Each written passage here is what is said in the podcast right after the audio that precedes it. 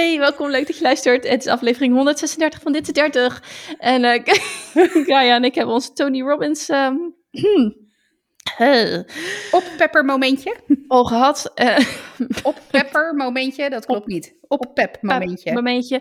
Met als resultaat dat uh, de kat um, nu uh, 16 jaar ouder is in één klap misschien? Ja, of, uh... nou dat zou dan wel wat zijn. Dan gaat ze misschien eindelijk een keertje naar het uh, land der eeuwige jachtvelden. Maar... nou, jouw kat is echt, als je die ziet, die is echt nog niet ge geschikt voor het land der eeuwige jacht. Naar de nee. eeuwige jachtvelden is het trouwens. Maar... Ja, en ze is 16. 16? Dus ze is, ja, ja. Ik was 18 toen oh. ik er kocht. Dus ik ben oh, ja. 34. Of ze wordt 6. Nee, ze wordt 16 in september. Heb jij geld betaald voor Kika? Ik heb geld. Ja, ik ben echt nog heel pauper naar gewoon een dierenwinkel gegaan op de Weimarstraat. Ja, I know. Ik, hey, in my defense, ik was 18. Ja, ik was oh ja, 18. Waar koop je een dier? Ik, ja, in een dierenwinkel. Ja, in de Weimarstraat weet ik nog. Want ik heb, de enige reden waarom ik Kika heb, is omdat mijn buurvrouw muizen had. Ja, ja. Ik woonde in zo'n in de Van Swietstraat in Den Haag. Dat zijn van die herenhuizen in het Staten, Statenkwartier, nee, niet Statenkwartier, Zeeheldenkwartier. Dus dat zijn van die oude huizen. Um, en de buurvrouw had muizen. Ja, mij niet bellen. Heb je met nee. je muizen? Dus Kika ik had ook geen zin om muizenlijkjes te ruimen. Oh. Nee, dus ik denk, ik weet je wat? Goor. Laten we een kat, kat, kopen. Ja, ja, ja. nee, dat, uh, ik heb ze echt uh, van de straat geplukt of zo. Nee, die, die, die, die puk, die eerste die, die dood is gegaan, die hadden we van een nestje. Gewoon, er komt een nestje en die katten moeten weg. En uh, ja, Pixie is echt wel van de straat, ja. Van de Utrechtse straten. Van de Utrechtse dus, uh, straten? Ja, ja. Ik, ik, weet niet wat voor accent dat nee, was. Niet nee, het is toch, uh, nee, het is toch Utrechters zegt toch iets met, is echt, kijk om en zo, dat is toch Utrecht? Oh, ik heb echt geen idee. Nee, ja, ik ben, okay. ik ben daar slecht in. Ja, ik, nou, ik kan nog net Pixie. iemand duiden die uit Almelo komt, zeg maar. Almelo. Almelo. Ja, ja. Almelo. Almelo. Alle Almeloers denken echt Jezus. Die denken ja, Echt. precies. Ja, maar doe het dan goed na. Sorry Twentenaren. Ja, zijn dat Twentenaren? Ja, vast. Almelo ligt in Twente volgens mij. En als ik dat nu mis heb, dan heb ik echt de hoon van alle Ja, of Almeloers of Twentenaren. Of allebei. En ik ga nog een kuttere vraag stellen, want is, is dan Twente hetzelfde als de Achterhoek?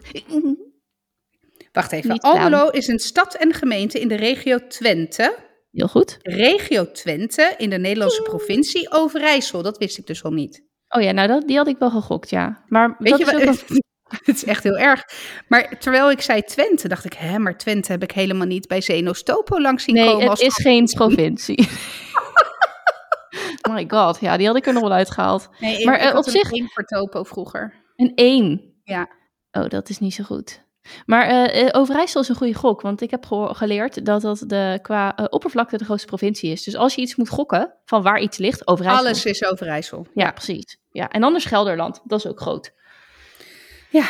Ja, wij verschrikkelijk verwende randstedelingen. Dramatisch. Ja. Nou, ja, nou inderdaad. Nou ja, ja, ja.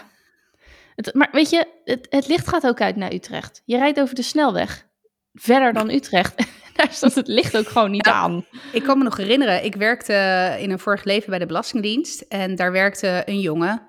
En die woonde in Bergen op Zoom. Was overigens ook een zeer actieve carnavalvierder. Bos. En, en wij gingen dus inderdaad eh, een keertje met hem mee. En ik wil zeggen dat het de 11e van de 11e was. Want het was niet carnaval, maar het was wel carnavalesk. Zeg je dat? Ja. We moesten ook allemaal eh, zo'n boerenkiel en zo om. Want anders mocht, werden we niet toegelaten. Nou, zijn- hey, beter alleen een boerenkiel dan volledig in eh, kledij. Maar goed. Ja, maar goed, het zijn natuurlijk net Italianen dan, want daar kom je ook niet Zeker. als je één scheve oog kijkt naar spaghetti. Ze- zeker. Dat, en hey, I hear you, my fellow Waarover, waarover later meer. Oeh. Oké, boerenkiel.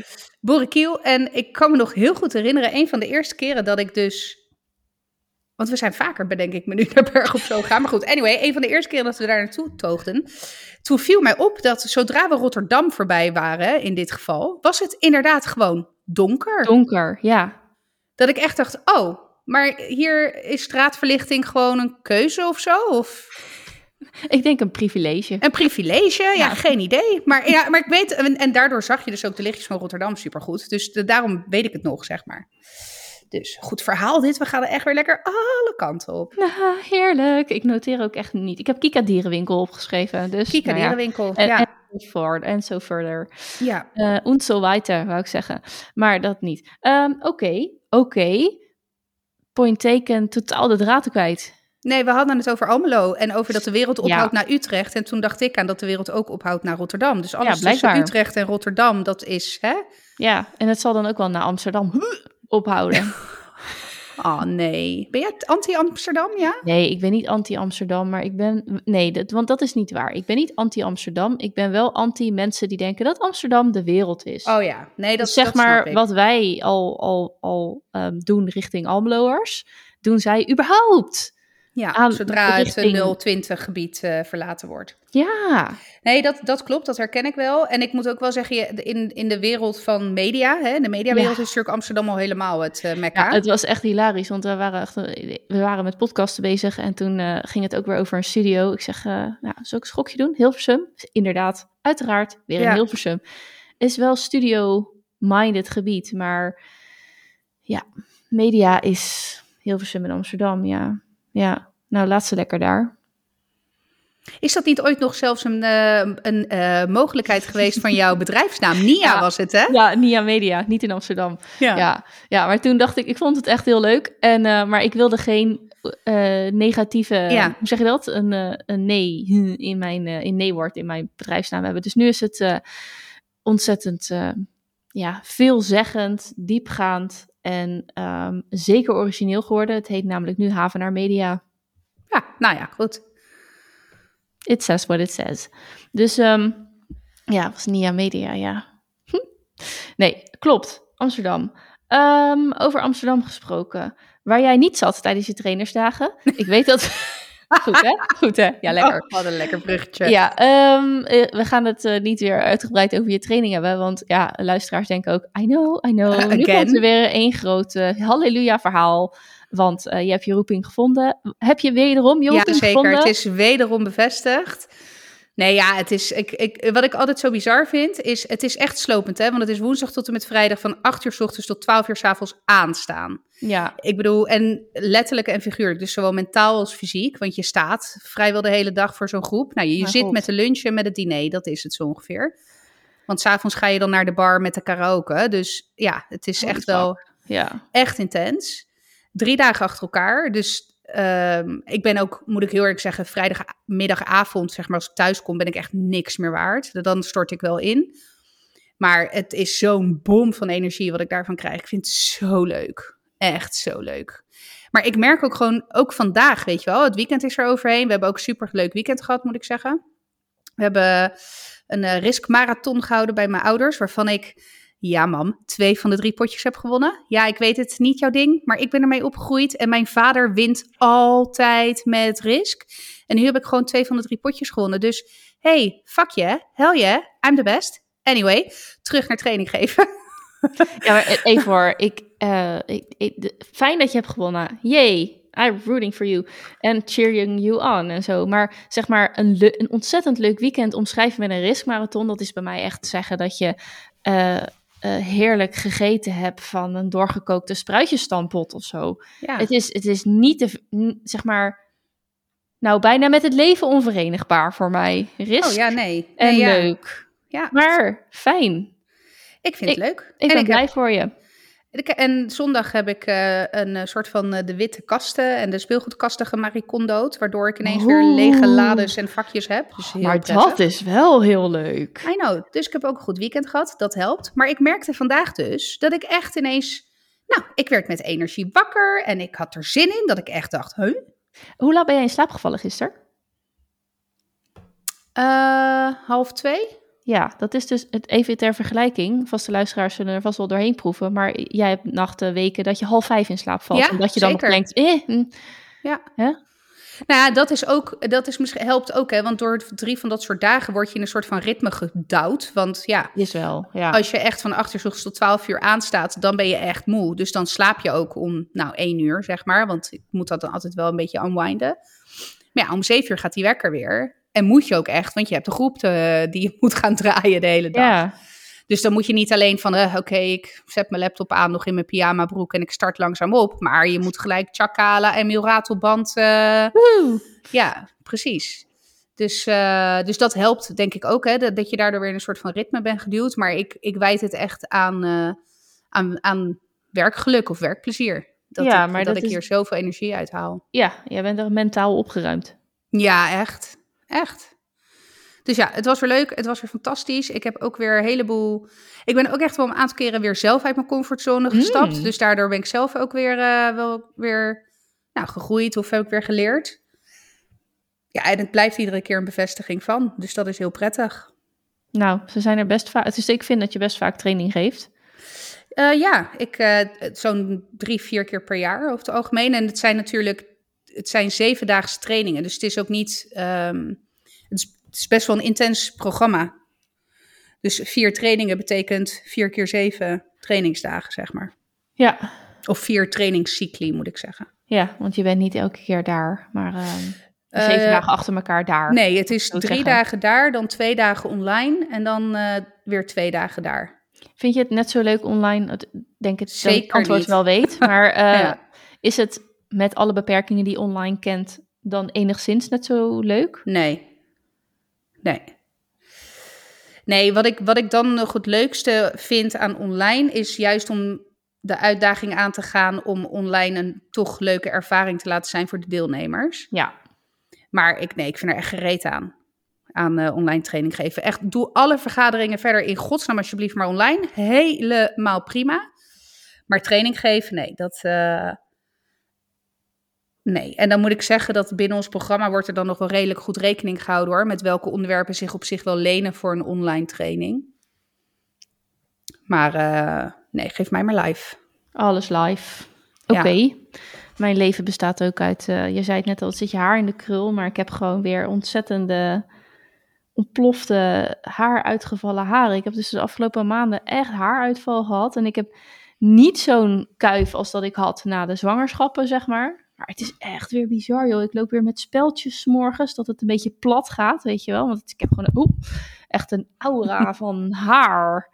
En ik heb ook echt, het, ik moet ook naar de kapper hoor, want het is hartstikke dun onderin. Maar ik denk echt, hoe, hoe kan dat? Is dat, is toch, dat is toch in principe hormonaal? En dan ook, weet je wel, stress is natuurlijk ook hormonen. Ik vraag me echt af, ik heb gewoon eens in de zoveel tijd heb ik dat. En dan kom ik weer te zitten met van die halve gare plukken.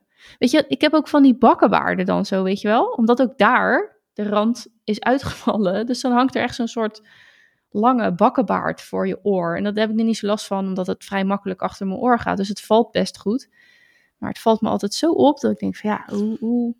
Nou ja, maar heb je dan alleen haaruitval aan de rand, zeg maar? Dus inderdaad uh, rondom je, je haarlijn? Of je haargrens, nou, hoe zeg je dat? Ik zie het, ik zie het rondom de rand omdat ook als ik nu een staart in doe of een knot op mijn kop doe, dan heb ik het ook achter in mijn nek. Weet je wel, het is gewoon de hele rand rondom. Ja, maar je haarkroon heet dat, geloof ik. Oh, dat zou op, zich, uh, zou op zich een logische naam zijn. Maar die haarkroon, maar omdat het overal zit, of overal rond die rand zit, ja, denk ik ook dat het gewoon door mijn haar heen zit. I guess. Dus, uh, I don't know. Ik weet niet of het haar gewoon is. Sorry, ik zat ondertussen ook even te googlen. Maar er, dat staat even niet snel. Um, ja, nee, geen idee. Ik, uh, ik ben hoofdkou geworden na mijn tweede zwangerschap. Dus bij mij ook nooit meer goed, uh, goed teruggekomen, helaas. Vaag is Thank God voor krulhaar, zeg maar. Daardoor valt het minder op. omdat je dat soort van volume hebt in je haar van je krullen. Maar nou, ik heb het namelijk met name op mijn kruin. Dat daar, als ik niet oh. goed mijn haar... Um, dat is eigenlijk uh, androgyne haar los, los, zeg maar. Wat je vaak bij vrouwen ziet, is dat uh, het aan de voorkant inderdaad dunner wordt. Uh, en mannen die worden vaak op de kruin, hè? De, de duim of de hand of God. Ja, of, de vleesbed. De vle ja. ja. precies. Ja. en ik merk het dus inderdaad op mijn kruin, dat ik moet echt mijn haar goed, zeg maar zeker als ik mijn krullen draag, Goed moet ik echt mijn haar goed positioneren, zeg maar, of goed modelleren, zeg maar, dat het inderdaad over mijn kruinen soort van heen valt. Anders zie je echt inderdaad zo'n kalende kruinplek. Uh... Het is mij echt nog nooit opgevallen. Dus oh, dan modelleer je het prima. Maar ik ben ook wat kleiner dan jij, dus ik kan ook niet echt op je kruin kijken. Dus dat scheelt ook. Ik zal het aan mijn trainingsmaatje vragen, want die is 2 meter. negen. Dat is best lang. Die is heel lang. Ja. Holy fuck.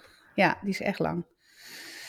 Maar, ehm, dus ja, ik, en bij mij is het eh, gekomen na de twee zwangerschappen inderdaad. Ik moet zeggen, na, de, na Zeno ben ik al echt, heb ik echt al flinke haaruitval gehad. Terwijl daarvoor, en niemand, als mensen me nu kennen, niet van vroeger, geloven ze dat niet. Maar ik had echt twee, drie elastiekjes nodig om mijn haar bij elkaar in bedwang te houden, zeg maar. Ik had echt, ik was ook echt trots op mijn haar. Ja, en toen uh, ik een kind. Oh, life. Ja.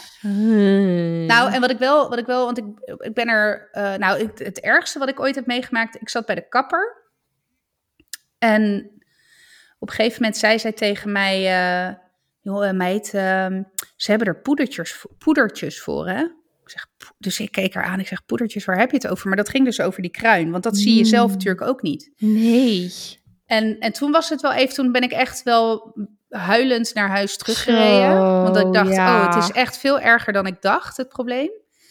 Ehm, en dit, dat was wel, nou, ik denk dat het de eerste keer naar de kapper gaan was nadat ik bevallen was van Milo. Dus dat was wel echt vol in mijn, eh, nou, meest extreme ruiperiode. Ja, maar dat, maar. na vier maanden ga, raak je gewoon... Dat, je, oh, het is verschrikkelijk, mensen. Ja, en eh, toen ben ik, ik, ik ben zelfs toen denk ik anderhalf jaar of zo niet naar de kapper gegaan. omdat Ik ben, ik ben daar echt, ja, het de- ik was echt devastated. En toen ben ik daarna weer naar de kapper gegaan en toen was het wel beter. Maar toen heb ik wel de inevitable vraag gesteld. Ik zeg, joh, is er nog kans dat er iets goed komt? Of omdat Milo al drie is, is Ja. dit het? En Ja. toen zei hij wel van, ja, ik vind het lullig om te zeggen, maar de kans dat dit nog goed komt, is niet zo groot. Nee. En ik moet eerlijk zeggen, het is nu acceptabel. Hoewel ik nog steeds op mijn onzekere momenten naar hair growth serum zit te googelen. En al die Insta-ads afga. En dat ik denk, zal ik het toch niet proberen? Dan denk ik, nee, het is geldklopperij. Weet je wel, want als er echt iets zou zijn wat zou werken, dan nou, zou dat exploderen. Want ik bedoel, kaalheid is echt een heel veel voorkomend probleem. Sowieso bij mannen, maar ook wel bij vrouwen. Ja, ja. Dus, eh, dus ja, maar dus ik herken het wel van mijn kruin, maar ik heb het dus niet aan mijn voorkant. Maar het, het zal wel hormonaal zijn, inderdaad. Ja, ja, ik denk echt, eh, echt dat, dat dat het moet zijn. En, en allicht dan in ieder geval een soort van stressgerelateerd hormonaal of zo. Als het al niet, eh, ja, hoe zeg je dat? Vrouwelijk hormonaal is. Klinkt een beetje flauw, maar je weet wat ik bedoel. Maar, Nou ja, maar is dit ehm, iets wat je ook had voordat je zeg maar in je, in je pre... eh, Nope. Voor mijn zwangerschappen niet. Nee. Nee, ik bedoel niet zwangerschap, maar voordat je ehm, in die eh, eh, post... eh, God, hoe noemen we dat nou altijd? Postreproductieve fase, de, Oh, de nee, nee, premenopausale fase. Die afta- de- de- wanneer de aftakeling begint. Nee, ik had, dus na Lewis heb ik het altijd, heb, is het nooit echt weg geweest. nee, oké. Dus is ja. het echt zo'n af en toe een, eens in het jaar of een- twee keer in het jaar heb ik dit gewoon. Zou het iets te maken hebben met seizoenen? Maar zou ik gek vinden dat je dat dan aan het einde van de winter. Ja, misschien ook wel. Misschien is het wel gewoon echt de rui en je wintervacht afschudden. Maar dat klinkt een beetje gekker. Nee, maar ik, ik moest er wel aan denken toen je het zei over dat het zo devastated was om dat te horen. En dat ik me ook realiseerde toen je dat vertelde, dat voor mij mijn haar. ehm, ik, bij gebrek aan beter woord, is echt een sieraad voor me. En dan heb ik niet het meest fantastische, briljante haar, maar ik kan het best wel, als het goed zit, zit het best goed. En dan vind ik het ook heel leuk. Nu met die grijze haren is het helemaal een beetje een eye-catcher geworden. En ehm, ik zat daar van de week, van het weekend nog op een verjaardag, kreeg ik er een, eh, een compliment over, was heel leuk. Maar, ehm, ehm, dus als daar wat mee zou gebeuren, dan zou ik ook echt wel een knauw krijgen. Ik kan mij voorstellen dat als je nou, daar serieuzer last van hebt dan jij en ik, zeg maar, dat dat echt wel heel moeilijk kan zijn als, eh, als, als, als vrouw of als iemand die op die manier eh, ja, schoonheid in zichzelf ziet door het haar. Nou ja, ik, je hebt wel eens van die, van die filmpjes eh, van mensen die een chemokuur ondergaan en dus hun haar moeten scheren op een gegeven moment. Ja, dat is echt. ik kan me voorstellen dat dat even los van de hele medische molen een van de meest traumatische momenten is in zo'n traject. Ja, Het Ja. moment dat je je haar verliest. Enerzijds omdat het natuurlijk, je bent dan ook meteen patiënt. Weet je wel, natuurlijk, je hebt pruiken en hè, er zijn echt wel middelen waarmee je dat kan verbloemen. Maar je bent wel meteen bam, patiënt. Want vaak verlies je ook je gezichtshaar, dus ook je wenkbrauw, je wimpers. Dus nou ja, dan kan je heel leuk met potlood een mooie wenkbrauw tekenen. Maar het is, ja, eh, dat, dat lijkt me ook eh, ja, heel heftig als je in zo'n traject zit. En je hebt natuurlijk mensen met bijvoorbeeld alopecia. Die, eh, volgens mij is een auto-immuunreactie. Ja, Daar, die, ja. die daardoor dus hun lichaamshaar en dus ook hun hoofdhaar... en vaak inderdaad dus ook wenkbrauwen, wimpers, zeg maar, verliezen. Ja, dan, daar zit ook... Kijk, als je op het moment dat je een chemokuur krijgt... dan in principe groeit je haar daarna weer terug. Eh, maar met alopecia niet. Dan, dan ben je gewoon de rest van je leven ben je kaal. Ja, Ja, lijkt me heel heftig. ja, ja, dat is echt een whole nother level van eh, zelfacceptatie dan. Ja, Ja. Oké. ehm, ja, nog meer lichamelijkheden. Ik heb dus al een week last van ontstoken ogen. Heb ik dus echt nooit. Ik, dit is, weet je wat, het, ik ben een hoofdpijnpersoon. Ik ben wel eens verkouden. En eh, ik heb kramp. Weet, ik, weet je, je hebt toch van die dingen die je dan hebt. Maar eh, ontstoken ogen of last van mijn ogen. Nou, echt. En terwijl ik ook, zeg maar, hooikoortserig ben. Het slaat nooit op mijn ogen. Het is altijd snot, weet je wel. ja. En ehm, dus ik begon eh, vorige week te rommelen met mijn rechteroog. En toen dacht ik, ja, ik zal wel gewoon met, weet ik veel, met vieze vingers of zo erin hebben gezeten dat het geïrriteerd is. Nou, het was echt eh full-blown, eh, ehm, hoe zeg je dat? Ehm, infectie. En eh, weet je dat je ook net zo'n, net, ik voelde me echt zo'n kindje, want ik werd echt zo wakker met van die ogen die aan elkaar geplakt zijn. Oh, jezus. Ja, het was echt. En de eerste nacht heb ik echt gewoon ook de tranen. Weet je, dan had ik, ging ik mijn ogen dicht doen en lig je nog eventjes eh, wakker. Want ik, nou ja, ik, ik slaap best wel goed meteen. Maar toen lag ik nog even wakker. En dat ik echt na een paar minuten gewoon de tranen uit mijn ogen voelde rollen. En het was heerlijk hoor, mijn ogen dicht te hebben. Want dan is het, weet je wel, dan hoef je niet meer zo open te houden. En dan is dat irritatie is al een stuk meer weg. Maar ehm, ja, dat, dat was echt wel heftig. En ja, daarna ging het een beetje rechts over en kwam het bij mijn linker. Toen dacht ik, oh, dan is het wel iets van een virus of zo. Ehm, en toen was het bij mijn linker weer over. En eh, nou is twee dagen terug mijn rechter. Eh, ja, gisteren. Gisteren ging mijn rechter ineens weer rommelen. Dus ik, ik weet echt niet wat ik nou, eh, waar ik nou last van heb. Maar jij Nou- eh, riep net. Ja, ik, ik zei net, van ja, wat, het, valt me bij veel mensen op op Instagram, maar mensen die ik niet ken. Want ik zag het bij jou en, Ja. en misschien is dat dan ook wel van, eh, nou ja, dat je dan ineens, je denkt aan een rode Ja, bus en ineens ja. zie je overal rode Hoe bussen. heet Maar nou? Ik hoorde de laatste afkorting. Dit is van RAS of zo. NAS, RAS. Dat is deel in je hersenen inderdaad dat... eh, ja, wat dan zeg maar ineens zie je overal dat merk of die kleur. Ja. Dus misschien, misschien is dat het wel, maar ik denk het niet. Maar, want ik moest echt nog een aantal keren denken van... hé, maar het lijkt wel alsof er een soort van eh, epidemie van ontstoken oog aan de gang is. Ja, maar eh. echt. Ja. Ik, zie, ik zag echt bij veel mensen een oogontsteking eh, langskomen. Dat ik echt dacht, nou... Ja, Ja, dus- ik, heb, ik heb dus ook nooit wat aan mijn ogen. Frank die heeft wel vaak last van zijn ogen. Maar die heeft Ja. die, eh, die soort van talgkliertjes van zijn wimpers... die vaak verstopt raken. En dan gaat dat eh, ineens open. En dan heeft hij een dik oog, weet je. Of, maar dat is dan één, twee dagen en dan is het weer over. ja. Dus ik die... ja. ja, ik, ik ging... eh Mason was woensdag bij jullie? Of- Ja. Ja, toen was jij er niet. Dus die ging ik ophalen. En toen stond ik ook... Ik zeg, nou, ik weet hoe je je voelt. Want ik heb hem inderdaad vaker gezien met... ja, eigenlijk een ontstoken ooglid. Zo ziet het ja, er een beetje precies. uit. Ja, ja, ja, ja. ja. En eh, dan kijkt hij natuurlijk ook niet echt lekker. Maar eh, ik zeg, ik weet hoe je je voelt. Want ik heb nou ook eh, last daarvan. Maar, Maar heb je, ben je er mee naar de huisarts gegaan of iets? Of heb je er... Nee, Nee, niet dat het- ze er waarschijnlijk veel aan kunnen doen. Nee, ik, ik dacht even van, zal ik bellen of ik iets bij de apotheek kan halen van een ehm, verzachtende oogdruppel of zo, weet Ja. je wel? Want ik zat maar te, oh, het is lekker als je hem dan dicht hebt en dus dat traanvocht zo lekker over je oog kan.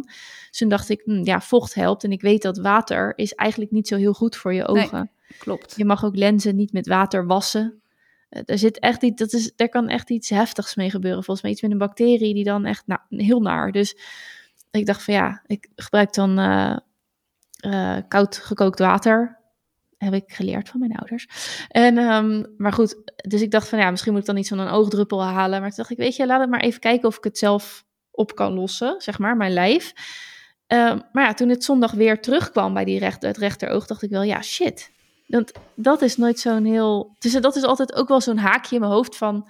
Net als met die kinderen. Als ze koorts hebben, fijn. Als het na drie dagen dan weer afzakt, is het ook goed. Maar als het daarna weer opvlamt, dan Ja. moet je echt naar de huisarts. Want dan, nou ja, dat. Dus dat idee had ik. En ehm, dus ik dacht wel van, nou, zondag was het weer erger. En echt flink erger. Dus ik dacht wel toen ik vanmorgen wakker... Als ik, hè, vandaag is maandag. Als ik morgenochtend wakker word en het is nog steeds of even erg erger geworden... dan eh, ga ik wel de huisarts bellen. Maar eh, het was een stuk beter. En ik heb de hele dag ook wel gewoon goed kunnen werken en zo. Maar eh, ja, hij irriteert echt nog een beetje. En elke keer, ja, die, die, die ogen die dan helemaal vastgeplakt Ja, dat is echt koekt zitten. ja. Ja, en, Ja. en Louis die was van de week ook twee nachten niet helemaal eh, fris. Dus die kwam dan ook om half vier. En dus ik zat ook echt, wacht even, wacht even, een doekje pakken. Ik kon, het, ik kon er gewoon niks mee. Huilend kind. En ik, wacht even, wacht even. Ik moet eerst de korsten van mijn oog krabben voordat ik iets met je kan doen. Mm, Dus nou ja. Ehm, ja, gekkigheid. Ja, Maar het is hopelijk nu wel echt bijna over. Want links is echt wel. eh, ik vroeg het net nog aan Mason. Toen zei ik: hoeveel, hoe- kijk naar mijn ogen? Links nog een heel klein beetje lichtroze. En rechts was gewoon roze. Toen dacht ik: oh, nou, dat is oké. Maar mijn, mijn kleine nichtje was ook eh, woensdag hier. Die zat me ook echt aan te kijken van. Huh. wat voor, eh, wat voor sap van Satan heb jij in je ogen gesmeerd dan? Precies, normaal gesproken zit ik wel bij je. Maar nu ben je net een cyborg. Dus nee. Maar Nee, je, oog, je oogbol is dus ook echt rood, zeg maar. Ja, je oogbol is echt rood. Dus dat is ook echt een rot gezicht. En eh, toen waren ook nog wel... Want de rest eromheen was ook wel opgezwollen hoor.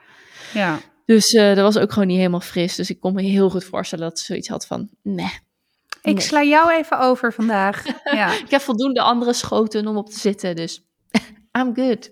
Dit is goed zo. ja, dus nou ja. Ja, vaag. ja. Dus ja. Eh, ik zit even naar het lijstje te kijken. Alle lichamelijke onge- ongelukkigheden hebben we wel eh, doorgenomen. Ja, we zijn weer, eh, we hebben het, de health check weer gepest. Nou, zal ik het bruggetje maken dan, nu we het toch hebben over ontstekingen en ziektes, over het leed wat BSO heet? Oh ja. Kom maar door. Nou, eh, volgens mij heb ik dat al een keer eerder gezegd, dat er zeg maar af en toe zo'n dreigend mailtje vanuit de BSO komt. En dat je dan echt met samengeknepen billen zit, want in dat mailtje staat, en dat wordt dan, weet ik veel, om 11 uur 's ochtends verzonden. Hè, let op, eh, het kan zijn dat we niet genoeg personeelsleden hebben. U hoort voor 1 uur vanmiddag of de groep doorgaat of niet. En dan zit jij dus met het zweet in je nek tot 1 uur 's middags te hopen, bidden en smeken dat die BSO gewoon open blijft. Zodat je niet je hele agenda hoeft te verbouwen. Nou, vandaag hebben ze de moeite niet eens genomen. Want ik had, nou, ik kan het terugzoeken. Ik denk tien voor negen of zo. Ik was echt net terug van kinderen wegbrengen. Nou, kwart voor negen. Kwart voor negen werd ik al gebeld door de locatiemanager. Ik, ik, en ik herkende het nummer niet. Dus ik, ik dacht, hè, wat is dit voor gek, gek 06-nummer? Dus ik neem op. En nou ja, met de D&D, locatiemanager eh, van eh, dit en dat. En toen dacht en ik dan ook, zakt echt. Ja, ik bel even om te zeggen dat eh, ik helaas eh, de groep dicht moet gooien vanmiddag. En dat is dan de groep van Milo. Ik zeg dit mee. Ik zei echt letterlijk, echt, dat Ja. meen je niet. echt zo'n primaire reactie. Ja, en ja. Weet je, ze doet, het ook ze, eh, ze doet het ook niet voor de lol, hè. Maar ja, en dan moet ze zeg maar zo'n hele lijst met van die zeikende ouders aan de telefoon hebben. Tuurlijk. Dus ik heb wel meteen mezelf geëxcuseerd. Ik heb gezegd, het is niks persoonlijks. Ik snap je. Ik weet hoe het is met personeelstekort. Ik zeg maar, ik hoop dat je ook begrijpt dat ik echt even gefrustreerd ben. En toen zei ze ook, ja, nee, tuurlijk, snap ik. Eh, Want ik heb wel gelijk gevraagd van, joh, wat is de verwachting voor de rest van de week? Want hè, het is pas maandag. Ja, ja, kan ik nog niet zeggen. Ik zeg, ja, ook dat snap ik. Maar Daar kun, je, Please. daar kun je helemaal niets mee. En het is Nee. allemaal zo logisch. Maar Ja, maar ik vind, weet je, ik echt, ik, ik blijf het wel zeggen. En ik vind dat echt, het is wel een commercieel bedrijf waar je echt vet veel geld neerlegt, hè, om je, Ja. om je kinderen op te vangen. Ja. En dat vind ik echt wel een cruciaal, eh, cruciaal verschil met school. Het Ja. is ook geen school, hè? het is een buitenschoolse opvang. Waar ik gewoon iedere maand nog steeds, nou wat is het, 1600 euro naartoe breng. Hè? oh, Dus snap je? Dus ja, dat is wel, ik vind dat ook met mijn gevoel echt moeilijk te rijmen, omdat Ja. ik zelf bij een heel commercieel bedrijf werk. Dus ik weet hoe dat gaat. En je hebt gewoon te voldoen aan je contractuele verplichtingen. Punt. Dat gezegd hebbende, snap ik ook heel goed hoe het zit met personeelstekort. En zeker, kijk, je kan hier bij zo'n BSO ook niet zeggen, weet je, ze zijn gewoon wettelijk verplicht om een x aantal eh, pedagogisch medewerkers op een x aantal kinderen te hebben. Ja, als die rekensom niet uitkomt, komt die rekensom niet uit. Dat, dat is gewoon zo. Nee, dan zijn ze ook wettelijk verplicht om het niet te doen. Precies. Nou ja, ze Ja. kunnen dan inderdaad dus niet meer voldoen aan de door de eh, GGZ eh, bepaalde normen, eisen, ja. standaarden. Ja, dus ik, weet je, dat, ik, dat snap ik allemaal. Maar het is wel een probleem wat al heel lang voortduurt en voortduurt. En ik heb, ben inmiddels wel op het punt gekomen dat ik denk, ja, maar wat wordt nu de structurele oplossing voor jullie organisatie dan? Maar goed, eh, kijk, heel eerlijk, het is dan ook maar van drie uur s middags tot vijf uur, half zes. Hè. Meestal, meestal halen we ze om half zes op. Dus die tweeënhalf uur is dan ook nog wel te overzien. En in dit geval werd ook alleen Milo's groep gesloten. Zeno's groep bleef wel open. Dus we hebben ook alleen Milo opgehaald. Nu hebben we dat ook wel te horen gekregen van Zeno dat we dat hebben gedaan. Ja, dus ik heb nu al met Zeno afgesproken dat als het nog een keer gebeurt, dat ik dan eerst met hem overleg wat hij wil. Dus of hij op de BSO wil blijven of mee naar huis wil. Maar ja, het is ook wel een beetje een strategische keuze, want ja. één van de twee thuis is echt goed te handelen. Als ze allebei thuis zijn, het kan, het kan heel goed gaan hoor, maar het kan ook heel niet goed gaan. ja, en dan kom je helemaal nergens meer aan toe. Nee. Dus nou ja, het, eh, dus na alle billenknijpmomenten was dan vanochtend het, eh, het verlossende woord wel daar. Ja. eh, dat, eh, dat de BSO niet doorging. Dus ik ben heel benieuwd eh, of het probleem eh, donderdag is Voor jou donderdag, ja. Ja, ja. Ja, want anders, want ik vroeg ook, want ja, zo- zo'n bitch ben ik dan ook wel weer. Ik zei, hoe zit dat dan met de betaling? Ik denk, ja, Ja. ja, en toen zei ze ook, nee, ja, dat wordt dan gecorrigeerd op je volgende factuur. En ik dacht meteen, ja, kut, wil ik dat wel? Want ik heb natuurlijk ook voor een gedeelte kinderopvangtoeslag. Dus dan moet Het je dat gewoon- weer helemaal gaan. Kinderopvangtoeslag is zo... Het is Ja. fijn vast dat het er is, maar het is altijd... Ik ben echt, echt blij dat ik daar vanaf ben. Ja, van dat dat, snap ik. gezeik. Want je krijgt het, maar je krijgt altijd te veel. Ja, Of te weinig. Nou, ik, ik had nou ja, altijd een potje van 500 euro gewoon op mijn rekening staan. Oh ja, kinderopvangtoeslag, vraagteken. Omdat je gewoon in juli wordt je gewoon getrakteerd op een eh, correctie. En dan is het, ja, eh, eh, wij krijgen nog vi- 534 euro van je. ja, precies. Ja, oké.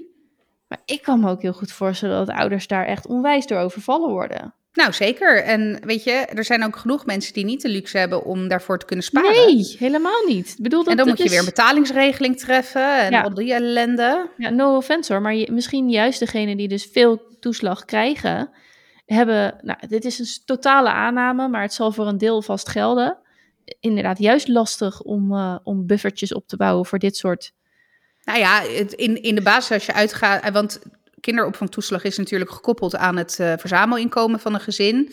Ervan uitgaande dat het verzamelinkomen inderdaad lager is, dat kan je de aanname doen dat er minder ruimte is om te sparen. Nou ligt dat natuurlijk ook aan hoe zuinig mensen wel of niet Ja. zijn en wat de Ja. vaste lasten zijn. Dus het is wel iets breder dan dat. Maar ja, dat is wel een safe assumption, zeg maar. Dat Ja. de kans groter is dat mensen die veel krijgen minder hebben om te sparen, zeg maar. Ja, ja. En, en dan is het wel ineens een hele uitgave en het, je hebt het wel nodig gehad. Dus Ja. het is ook niet dat je denkt van, nou ja, goed, weet je wel, er zijn ook gezinnen die kinderbijslag krijgen en die denken, ja, nou ja, weet je wel, waar het niet echt nodig, Nodig is. is. Ja. Ehm, en waar het misschien makkelijker is om dan dat opzij te zetten of dat voor iets anders te reserveren. Maar ja, ik vond het altijd één, grote, één groot gezeik en eh, gedoe.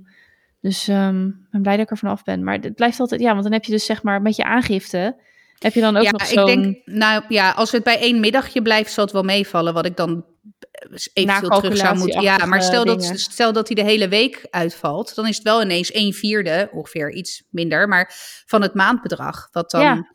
Dus dan moet ik wel gaan kijken of ik, of, of ik zet, ik denk dat ik dan gewoon even ergens apart zet, eh, een paar honderd euro, en dat ik het dan volgend jaar wel zie. Want het punt is, dan moet je het gaan aanpassen via de website, dan duurt Ja. dat weer weken voordat dat is aangepast daadwerkelijk. En dan moet je het dus, moet ik het eigenlijk daarna gewoon weer terugzetten, want het gaat ervan uit, laat ik het afroepen, dat het incidenteel is. Dus Ja, Ja. nee, dat is niet te doen. nee. En dan krijg je weer 16 brieven. Mhm. U heeft iets aangepast, we gaan het berekenen. En dan Ja. dezelfde dag krijg je de tweede brief. We hebben het berekend. U krijgt nu dit en dit. Oh Ja. god. Nee, Dus. nee echt eh, niet oké. Iets heel anders. We gaan even de Italiaanse tour op. Want ik zei net tegen Ah. jou, ik ben fan van Maneskin. Maneskin. Yes! Eindelijk! Ja, heel goed. Ehm, ja, niet fa- fan, fan, eh, fan. Maar ik... eh, Oh, ik ben ehm, echt fan-fan. Nou, ik, dit, er- het is wel indrukwekkende muziek, laat ik het zo zeggen. Ja, maar echt, onder welke steen heb jij gelegen, lief Ja, maar kijk, eh, mijn stenen zijn enorm. Ik, ik, ik verkies ook om stenen op mij te slepen. En eh, nou, dan eh, mis je wel eens wat.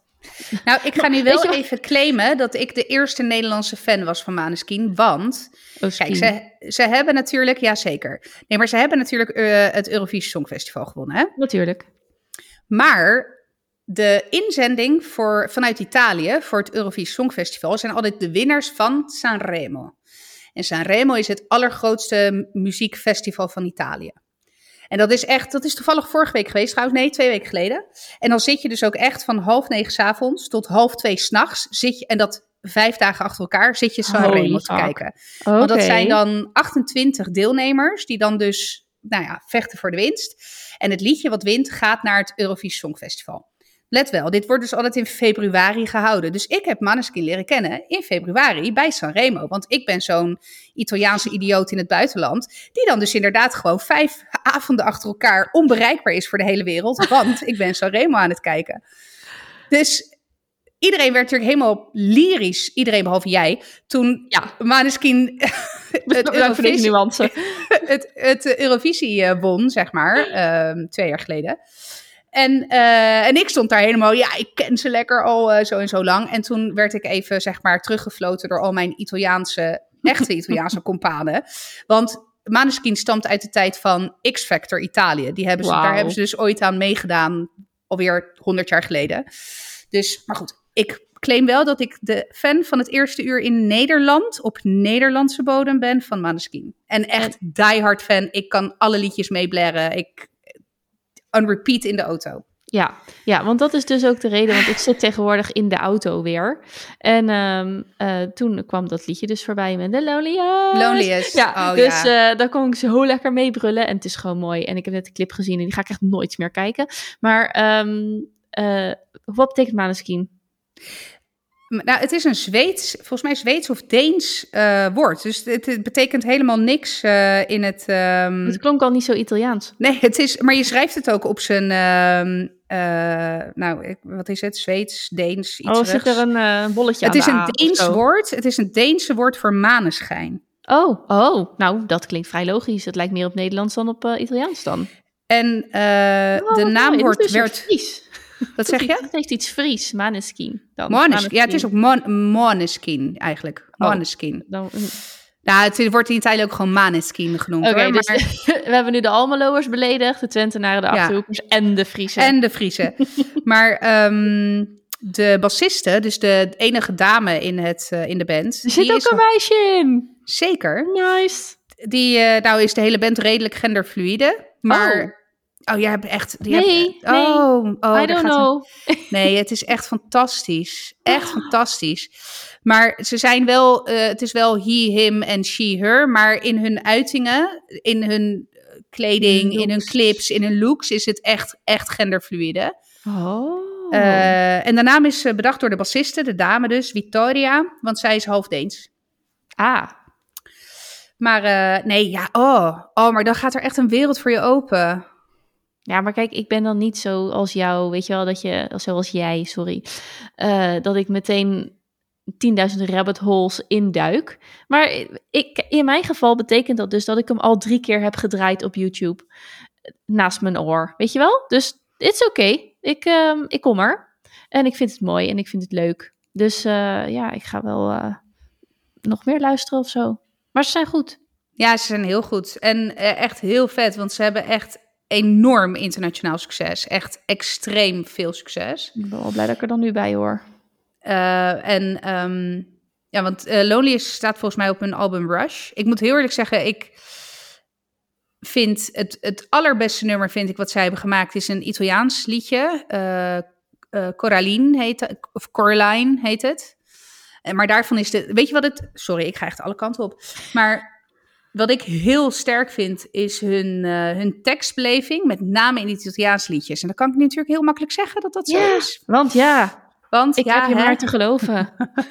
Nee, maar dat is, het is echt die uh, Damiano, dat is zeg maar de leadzanger en ook de, de schrijver en, en, en veel ook componist van de muziek. Dus uh, hij schrijft ook alles zelf. Ja, die heeft gewoon, dat is echt een woordkunstenaar. Oh, Nou, love it. Ik heb het gezegd. Ja, Ik heb een hekel aan het woord woordkunstenaar, maar bij deze... hij is het. Hij, Hij is, is het. het. Ja. Hij is het. Ah, yes, leuk man. Welcome to the, welcome to the club. Ja, ja, want ik weet wel dat Zeno is ook fan, toch? Die Verzeno is onwijs Ja, van. Ja, ja, ja. ja, ja. Dus eh, ik, ben, eh, ik volg eh, geheel zijn, zijn voetsporen in Ja. deze. Zo ja, dat is dan onze luistertip voor deze week. Ja, Nou, Maneskin. Maneskin. Lekker luistertippie. Eh, qua kijktipjes heb jij misschien nog een leuke commercial voor ons?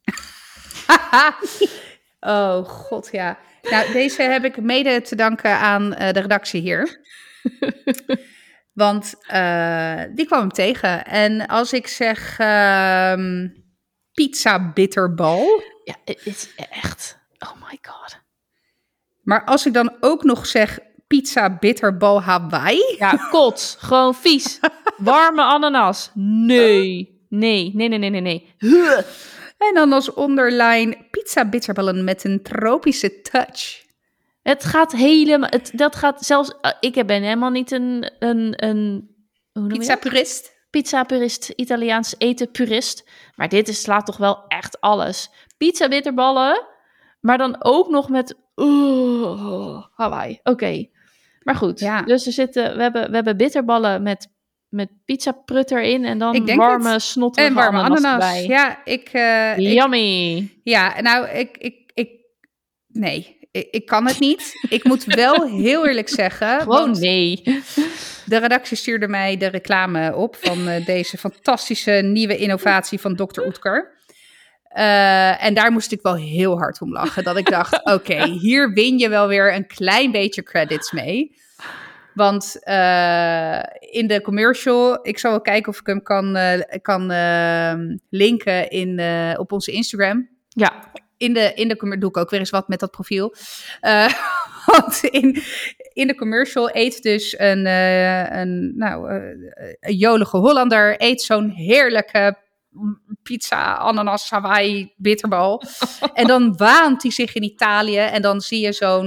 Het is overigens wel mega stereotyperend, bedenk ik me nu. Maar dat maakt niet uit, want hij ziet dan in een soort van Italiaans steegje wordt hij... eh, Nou ja, eh achtervolgd door een soort- van gladiatoren die hem eh, aan een eh, spies willen rijgen, omdat hij uh, schennis... grab your pitchforks en, Ja, precies. en hollen. Ja, en, en dan, eh, want het is heiligschennis hè, van de pizza. En dan is er, dat is, is zo grappig. Maar dan, het meest, misschien het grappigste is nog wel het eindstukje. Waarin dus blijkt dat het niet alleen pizza is in een bitterbal. Maar nee, ook een pizza Hawaii. Want pizza Hawaii in Italië, nou, dat is echt ondenkbaar. Dat is echt, het is bijna net zo erg, misschien wel net zo erg als spaghetti breken. Het, het, is, het is echt, nee, dat, dat kan echt niet. Fruit op je pizza. Dat is, dat kan niet. Dus als je dat dan ook nog in de bitterbal in een airfryer flikkert, nou, hè?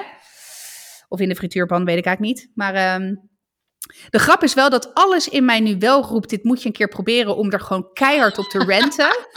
maar Misschien dat- kunnen we een keer in een live gewoon die dingen proeven. ja, nee, maar ik denk echt, ik denk echt dat al mijn Italiaanse ancestors zich omdraaien in hun graf. En dat niet alleen. Ik denk dat gewoon driekwart van mijn bloed zichzelf van mij zal onttrekken. En ergens tegen een muur aan zal platten. Omdat ze denken, dit omhulsel Nee. wil Nee. ik nooit meer in wonen. En als ik driekwart van mijn bloed kwijt ben, dan ben ik dood. Dus, Ja, je doet het maar met je kwart Nederlandse bloed. ja. Is het eigenlijk Dus. Nederlands bloed? Eh, nou, niet volledig, nee. Er zit ook, eh, schijnt iets Portugees en Frans in te zitten. Dus ik ben zeer mediterraans. Nou, inderdaad. er blijft er zeer weinig over. Ja. Maar, eh, ja, maar dit moeten we eigenlijk een keer doen. Ja, eigenlijk, dat is wel, het zou wel grappig zijn om dat een keer in een live inderdaad te doen. Ja, ja. Gezellig. Kijken jullie mee? Volg ons even op de Instagram, en dit is 30 podcast, want dan weten we dat je dit hebt gehoord. Of stuur even een, een bitterbal emoji of zo. of, of een, een ananas emoji. Er is vast een ananas emoji. Ja, een ananas emoji. eh, ja, die is, die is er wel. Bitterbal weet ik niet. Nee, dat Dat denk ik niet. Nee, dat is echt te lokaal. Oh, ik krijg ook echt gewoon, ik heb echt een fysieke reactie hierop. Maar goed.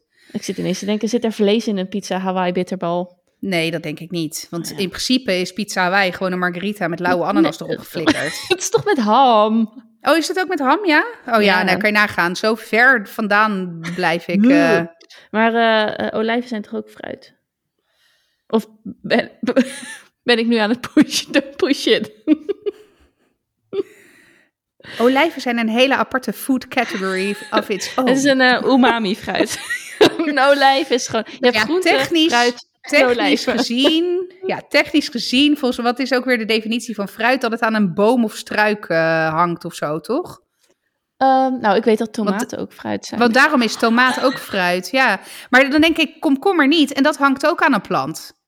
Ja, maar dat is toch een plant dan? Dat is toch zeker Ja. geen boom? Nee, maar een fruit is, of, eh, eh, oh ja. Ja, maar een tomaat Maar- is ook geen boom. En een, nee, dat is dan groente. Eh, nee, fruit. Ik ben echt helemaal... Wie, wie ver- Nee, maar snap je, wat is dan de definitie Ja. van fruit? Waarom? Wie, wie verzint dat? Maar misschien is het omdat er zaad in zit. Hm? Maar er zitten ook zaadjes in een komkommer. Zou komkommer ook Ja. fruit zijn? hey, trouwens, eh, jullie hebben toch wel eens een mango geprobeerd te laten groeien? Zeker. Met eh, Meerdere zeer, keren. ja, maar er was vooral heel veel Wisselend resultaat. nou, er was vooral heel veel positiviteit, eh, weet ik nog, echt eh, duizend jaar geleden. En Maar dat was op de Bert Haastra-strook. ja, Ja. nou, die ging goed, joh. Die, die mango pit. Dat groeide en dat groeide. Ja, bleek En dat bleek gewoon te een, zijn. een stuk onkruid. Ja, dat was waarschijnlijk naar binnen gewijd door het keukenraam. Want we hadden Die hele potje staan voor het helemaal keukenraam. niks gedaan.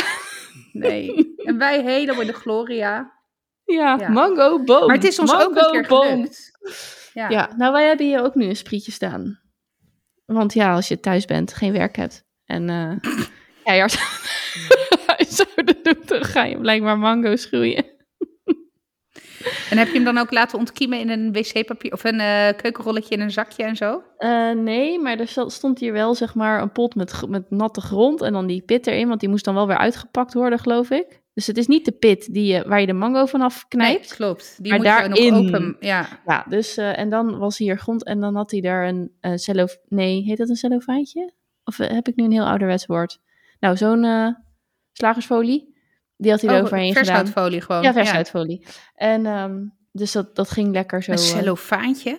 cellofaantje. Is dat iets hazer? Is dat iets? Hazerswouds? Weet ik niet. Mama, is dat iets hazersouts? En ik weet het, want ik, krijg, ik kreeg... Oh, ik ze reageerde trouwens. eh, dat ze de helft van mijn trouwjurk heeft betaald. Ah, kijk. Ja, en het is een vroege luisteraar, want die, die kwam op donderdag om kwart over negen al. Jeetje. Even kijken. Ja. Ja, die gaat... eh, oh ja, kwart over negen. De helft heb ik gegeven voor je trouwjurk. Dus ehm, ja, ze heeft nog wel een eh, leuke ijsmuts ook in de aanbieding, krijg ik. Dus eh, als je koude oren hebt, ga even langs mijn moeder. Een ijsmuts? IJsmuts. Wat is het Ja, verschil gewoon tussen een een- gewone muts en een ijsmuts? Ja, dat weet ik niet. Nou ja, je hebt wel mutsen in, in allerlei vormen. En een ijsmuts is wel zo van die je gewoon opzetten om echt Ja, maar dit is, in de categorie, dit is in de categorie... Niet alle mutsen zijn ijsmutsen, maar wel alle ijsmutsen, zijn mutsen. mutsen. Juist. die. Want je hebt ook kaboutermutsen. En, Ja. en kerstmutsen. Zo, Die moest van ver komen. Zo, serieus. Ja. Een cellofaantje. Ja, dus, eh, dus, die, eh, dus daar is wat uitgekomen. Dus daar groeit hij nu, nu zonder cellofaantje. Vier een sprietje omhoog. Ik kan nu nooit meer normaal naar het woord cellofaantje luisteren. Ja, oké. Nou, bij deze. Ach joh, hè? hartstikke leerzaam. Eh, ja, dus de pizza bitterballen, mango. Oh, ja. Zullen we nog even, want je zei vorige keer eh, iets over vataanval en dat is niet naar voren gekomen. Nee. Dus kun je die even uit de doeken doen? Ja, het leed wat eh, de klantenservice heet. Ja, want ben jij klant bij Vattenfall? Ik ben al toch- jaren klant bij... Ik was al klant bij Vattenfall toen het nog Nuon was. Ik wou, ik wou zeggen, was dat Eneco? Maar het was Nuon blijkbaar. Ja, nee, Eneco, daar mij niet bellen. Eneco heb ik echt eh, toen in mijn allereerste huis... Nee, niet waar, niet in mijn allereerste huis. In mijn tweede huis heb ik daar echt... Door de Nou, telefoon. bijna tot aan de rechter heb ik daar boeien mee gehad. Dus eh, nee, Eneco, ik zal waarschijnlijk bij hun misschien wel op een zwarte lijst staan. Maar zij staan met stip op één op mijn zwarte lijst. Ja. Dus nee. Hoeveel eh, paardenhoofden zijn daar al heen gegaan? Nou, dat, je moest eens weten. Ja. Maar, maar eh, even disclaimer, mocht er ooit bij een Eneco-medewerker een paardenhoofd bezorgd zijn, it wasn't me. Anyway, ehm, nee, wij zitten al heel lang bij Nuon slash nu dan Vattenval. En ik heb vorig jaar, ik denk echt wel vijf keer contact gehad met klantenservice, omdat ik bleef maar het advies krijgen, ik denk als enige in heel Nederland met een variabel contract, om mijn termijnbedrag te verlagen. Dus dat vertrouwde ik voor geen meter. Maar goed, ik dacht, ja, ik heb het echt vijf keer nagevraagd. Het zal wel. En inderdaad, eh, wij krijgen van vorig jaar 300 euro terug. Dus het, was een, het, het advies klopte, zeg maar, wat, Ja. eh, wat ze hadden gegeven om te verlagen. Maar goed, ik betaal altijd liever net iets te veel dan net iets te weinig. Zeker. Ehm, maar goed, nu, ik zat dus op een eh, eh, maandbedrag van 212 euro vorig jaar. Nu kreeg ik eh, de jaarafrekening en dus de mededeling dat ik 300 euro terugkreeg. Maar tegelijkertijd kreeg ik ook de mededeling dat ik naar 277 euro per maand Oh, ging. dat hadden wij ook. Dus ik dacht echt, wat, Wat de actual fuck? Ja, hoezo? Nou, zeker omdat wij zijn, eh, we hebben afgelopen jaar echt flink minder verbruikt dan het jaar daarvoor. We hebben ook dit jaar zonnepanelen laten installeren, dus we hebben ook teruggeleverd. Dus ik denk, nou, het kan niet zo zijn dat, en het is dan ook, weet je, het is niet een beetje omhoog. Het, het is, eh, wat is het, 30% omhoog of zo. Zo even uit mijn Ja, hoofd. maar niet bellen om te rekenen. Maar goed, ik geloof je. Ja. het echt Dus fors omhoog. ja. Dus ik had zoiets van, nou, ik ga toch maar weer bellen. Dus ik belde en ik had, weet ik veel. Laten we er Tina Petra noemen. noemen. Oh, Of. Tina, ook goed, whatever. Had ik aan de telefoon. En alvast een disclaimer. Het is inmiddels zo ingewikkeld geworden dat je zelfs met een universitaire studie niet eens meer weet wat je moet, ervan moet maken van die energienota. Maar goed, ik denk ja, die mensen zullen vast een cursus eh, prijsplafond hebben gehad of iets. Dus ik zeg heel simpel, ik zeg joh, dit en dit. eh, hè, of, eh, ik zie nu het maandbedrag. Als ik kijk naar mijn jaarverbruik en naar wat jullie verwachten, ik kom niet op 277 euro. Kan je het me uitleggen? Dus zij eerst heel van, nou nee, maar u zit echt ver boven het gemiddelde verbruik. En het is echt, hè, daar komt het door. Dus op een gegeven moment onderbrak ik er. Ik zeg, nou, ik weet niet welke, welke nota of jaaropgave of weet ik wat je voor je neus hebt. Maar ik zit nu live mee te kijken in mijn Vattenfall-omgeving. En er klopt niks van de cijfers die u nu noemt. Oké, nou, ik, ik, heeft u een momentje? Ik zet u even in de wacht. Ik vraag het even na. Ik denk, oh, daar gaan we. Nou, drie minuten verder. Ja, nee, ik had inderdaad verkeerde cijfers voor mijn neus. Ah, oké. Ik zeg, nou, kijken we nu naar hetzelfde? Ja, we kijken naar hetzelfde. Oké, ja, nee, maar ik zie nog steeds dat u met Elektra ver boven het, het boven, nou ja, het bleef maar zi- zitten op, u zit ver boven het prijsplafond en daarom is uw maandbedrag zo hoog. Dus op een gegeven moment vroeg ik aan haar, ik zeg mevrouw, wat is het, wat is het prijsplafond dan voor Elektra? Ja, 2900 kilowattuur. En toen las ik letterlijk de zin voor, uw eh, geschatte verbruik voor komend jaar is, weet ik veel, 2790 kilowattuur. Ik zeg mevrouw, is 2790 kilowattuur meer of minder dan 2900 kilowattuur? Ja, nee, dat is minder. Ik zeg, oké, maar u zegt net dat ik ver boven het prijsplafond zit met mijn eh, verbruik. I- eh, eh, eh. Ik denk, ja, oké, weet je. En toen, aan het, op een gegeven moment zei ze, nee, maar weet u, hè, we gaan in april de tarieven weer omlaag doen. Dus u moet maar even wachten, want het eind van de maand krijgt u, krijgt u een mailbericht daarover. En dan, dan weet u meer. En ze heeft op een gegeven moment ook wel 16 keer gezegd. Ja, maar als u wil, kan ik uw bedrag, termijnbedrag gewoon verlagen hoor. Dat is geen probleem. Ik zeg nee, dat vraag ik niet. Ik wil weten waar die 277 euro vandaan komt. Ik vraag niet of u het wil verlagen. Ik wil weten waar het vandaan komt. Nou, daar had ze dus geen antwoord op. Nou, op een gegeven moment na 20 minuten was ik het echt zat. Toen dacht ik, oké, weet je, fuck it. Ja. Ik eh, wacht die brief wel af. En, eh, en ik heb wel nog zitten denken om op een ander moment te bellen. en ja, dat je, ja, dat je niet Petra krijgt, maar iemand anders. ja, die misschien wel het snapt. En echt in their defense, het is echt ingewikkeld. Eh, dat hele prijsplafond verhaal. En ehm, Maar ik, ik kan er nog steeds met mijn hoofd bij dat ik, dat ik 65 euro per maand meer moet gaan betalen. Terwijl ik beduidend minder ehm, verbruik. Ja, maar het, het, het interessante hieraan vind ik, kijk, dat, dat het haar niet lukt om uit te leggen waar het vandaan komt. Waarschijnlijk wordt het gewoon uit een systeem geschud. En waar zij ook verder niet zich in Nee, verdiept zeker. of wat dan ook. Maar wat op zich niet heel handig is om het niet te weten. Maar je zal ook niet de enige zijn met die vraag. Kijk, wij hadden ook, dat weet ik nou, Sjors die regelt dat allemaal. Zo heerlijk als ze dan bellen en zeggen, ja, mijn man regelt dat. Eh, maar goed, anyway. eh, die, we hebben dat gedelegeerd eh, en dat is bij hem terechtgekomen. Maar we hebben Om-energie en dat is ehm, lokale Lansingerland stroom.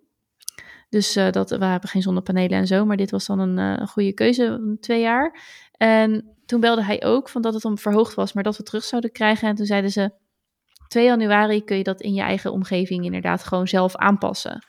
Dus, eh, maar de, de, de crux zit er in, denk ik, dat hij inderdaad niet gevraagd heeft van wat is de, de theorie hierachter of de praktijk, maar de berekening hierachter. Want eh, ja, daar krijg je blijkbaar niet echt een normaal antwoord op. Nee, en dat is wel wat je nodig hebt om dan vervolgens zelf een educated guess te doen met betrekking tot je maandtarief. Want hey, als ik inderdaad 277 euro per maand moet betalen, fijn hè, dan betaal ik het. Ja, niet fijn, maar ik betaal het. Alleen, weet je, het, het- wat me dwars zit, is dat wij jaar op jaar geld terugkrijgen van Vattenfall. Ja, Eh, en ik heb wel eens tot 600 euro teruggekregen. Dus ook niet een beetje, echt wel fors. En dat ik nu wel op een gegeven moment denk van ja, allemaal lekker, weet je. Maar het is ook een jaar extra rente trekken over mijn geld wat jullie kunnen doen, zeg maar. ja zeker. Dus eh, ja, begint me een beetje tegen te staan. En zeker als er dan niet wordt uitgelegd waar het vandaan komt. Dus Nee. het ja, en laatste eh, woord is er nog de niet over gezegd. Maar verkeerde cijfers en misschien dat, weet je wel, dat je denkt, nou ja, ik had ook een, eh, een eh, interessante klantervaring. Ehm, wat trouwens ook nog, want ik heb Uphone voor mijn privé simkaart van mijn telefoon. En ik wil dat omzetten naar zakelijk. Maar dat was gewoon niet duidelijk hoe ik dat ging doen, zeg maar. En dan merk je echt hoe niet loyaal je echt bent naar iets. eh, internet en bellen. Ik heb stel niet hele hoge eisen. Ik hoef niet heel veel GB's. Ik kom niet buitenshuis. Maar ik, ik hoef geen heel veel GB's. Ik wil gewoon wat bellen. En dan is dat goed. Dat het is gewoon commodity. Weet je wel, het is gewoon. Je, je hecht daar geen waarde meer aan. Dus ook niet aan de, het merk waar je bij zit. En toen dacht ik, nou, zakelijk sim-only. En toen kwam T-Mobile naar boven en daar kon ik in drie klikken kon ik gewoon het regelen. Dus ik, heb gewoon een zakelijke sim van, van T-Mobile aangevraagd. En eh, met nummerbehoud. En dan denk ik, oh, dan lost het zichzelf wel op. Ja, bizar eigenlijk. Maar dit was gewoon het makkelijkste. Ik bedoel, ik lag naast Louis die in slaap te vallen lag. Dus in slaap lag te vallen. en ik moest gewoon geregeld hebben. Ja, bijzonder hè? Dus, ehm, nou, afijn. eh, T-Mobile, dat ging allemaal wel lekker. Ik moest alleen even bellen, want de T-Mobile website en het hele systeem erachter, daar heb ik vaker last van. Mijn voornaam eh, is Eileen, as you all know. En dat is een lange ei, wat in de alle geschreven tijden van de vroegere tijden niet zo'n probleem is, omdat een lange ei wel geschreven kan worden. Maar in den typtijden is dat wel een probleem, omdat ja, het, het is niet één één karakter. letter Ja, is ja. die bestaat uit twee letters. En daar heb je ook, weet je, je hebt natuurlijk ook de oe en de ui en zo. Dat, maar dat is toch anders.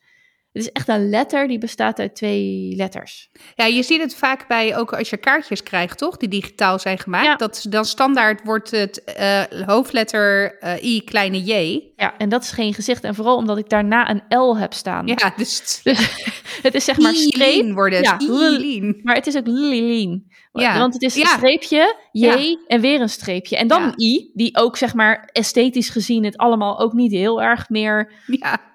Duidelijk maakt. Dus eh, nee, dat, dat is eh, fantastisch. Ehm, maar dat systeem eh, kan je dus voorletters invullen. Die, en dan wordt er automatisch een puntje geplaatst. Als je Ja. één letter in, één karakter intypt. Nou heb ik daar wel eens, toen ik twintig was of zo, moest ik naar de fysiotherapeut. En toen heb ik een keer, viel op zich wel mee hoor, maar toen kreeg ik op een gegeven moment de verzekering op mijn dak. Omdat ik frauduleus bezig was. Want, dus, ja, maar mijn verzekering had dus. I Havenaar opgeschreven. Of Griekse Oh, ja. I misschien zelfs. En eh, mijn fysiotherapeut, die had gewoon ei punt opgeschreven. Dus ik, ik, het was in ieder geval dat ik geld claimde, terwijl ik helemaal niet degene was die daar geweest was. Nou ja, even Oh, een belletje ja. en het was opgelost hoor, dus, Ja. dus prima. Maar eh, ook was mensen die ik zelfs, mensen die ik therapeut. Ehm, Die, uh, dus dat sindsdien denk ik altijd, oh ja, kut, moet er even op letten. En, zo, en dus ik bel en die gast zegt, ja, ik heb, ik heb dat ook aan mijn kant. Ja, ik moet er echt een Griekse ei van maken. Nou, toen zakte mijn broek al af, omdat ik zeg, ik zeg nee, want een Griekse ei heb ik helemaal niet in mijn naam. Want het moet ook overeenkomen met je ja, legitimatiebewijs. Ja. Dus anders denk ik, oké, okay, fuck it, weet je wel. Dus als ik ergens een account aanmaak, dan maar een i of whatever. Maar nu dacht ik, ja, ik heb geen zin om daar in die winkel te staan. Of aan de deur, weet je wel. Als je dan moet legitimeren, uiteindelijk ben ik naar de winkel gegaan. Um, en dan, uh, ja, nee, dat klopt niet. Want ik wilde het juist makkelijk geregeld hebben. Dus, uh, nou ja, afijn. Ik, uh, we hadden allebei besloten dat het dan maar een i moest worden. Dus ik denk, oké, okay, God zegene de greep. Ik doe een i. En, um, en prima. Dus bij T-Mobile heet ik i-havenaar. Overigens kan je in je Microsoft Office omgeving een uitzondering op de regel toevoegen. Dus als je heel vaak mijn naam typt en je denkt, ik word er gek van dat hij elke keer een kleine j ervan maakt, dan kun je daar in de spellingcorrectie een uitzondering toevoegen. Bij deze. Ik heb het vandaag nog gedaan. Um, ja, ik moet weer in Office werken. Dus uh, ja, dus nou, ah, fijn. Ik had het aangevraagd en dat ging allemaal best soepeltjes. Want uh, ik kreeg een sms'je hier en een code daar en een mailtje en ondertekenen en digitaal en prima. En het zou gewoon klaar liggen. Ik had het in de winkel laten klaarleggen, omdat ik dacht van ja, dan ben ik er weer niet. En er staat zo'n gast voor de deur, dan moet ik tekenen. Nou, bla bla, ik ga wel zelf. Dus uh, echt een in de dag later in de ochtend kreeg ik al ping, sms'je, het ligt klaar in de T-Mobile shop. Dus ik toog, ik denk zaterdag of zondag, zondagmiddag naar de T-Mobile shop. En nou ja, ik kom dus niet zo vaak überhaupt meer in winkels, maar niet, helemaal niet in dit soort type winkels. Dus dan kom je binnen en dan staan daar wat mensen achter hele kleine deskjes. Dan zijn er zo zes van die kleine deskjes verspreid. En dan de eerste waar je tegenaan loopt is een grote um, ja, pilaar met trek hier een nummer. En ik kijk op dat ding, er staan twee andere mensen in de winkel die geholpen worden. En dat meisje wat bij het voorste deskje staat, dus ik kijk haar zo aan. Ik zeg, moet ik een nummertje trekken? Uh, nee, nee, nee, maar hij is toch kapot.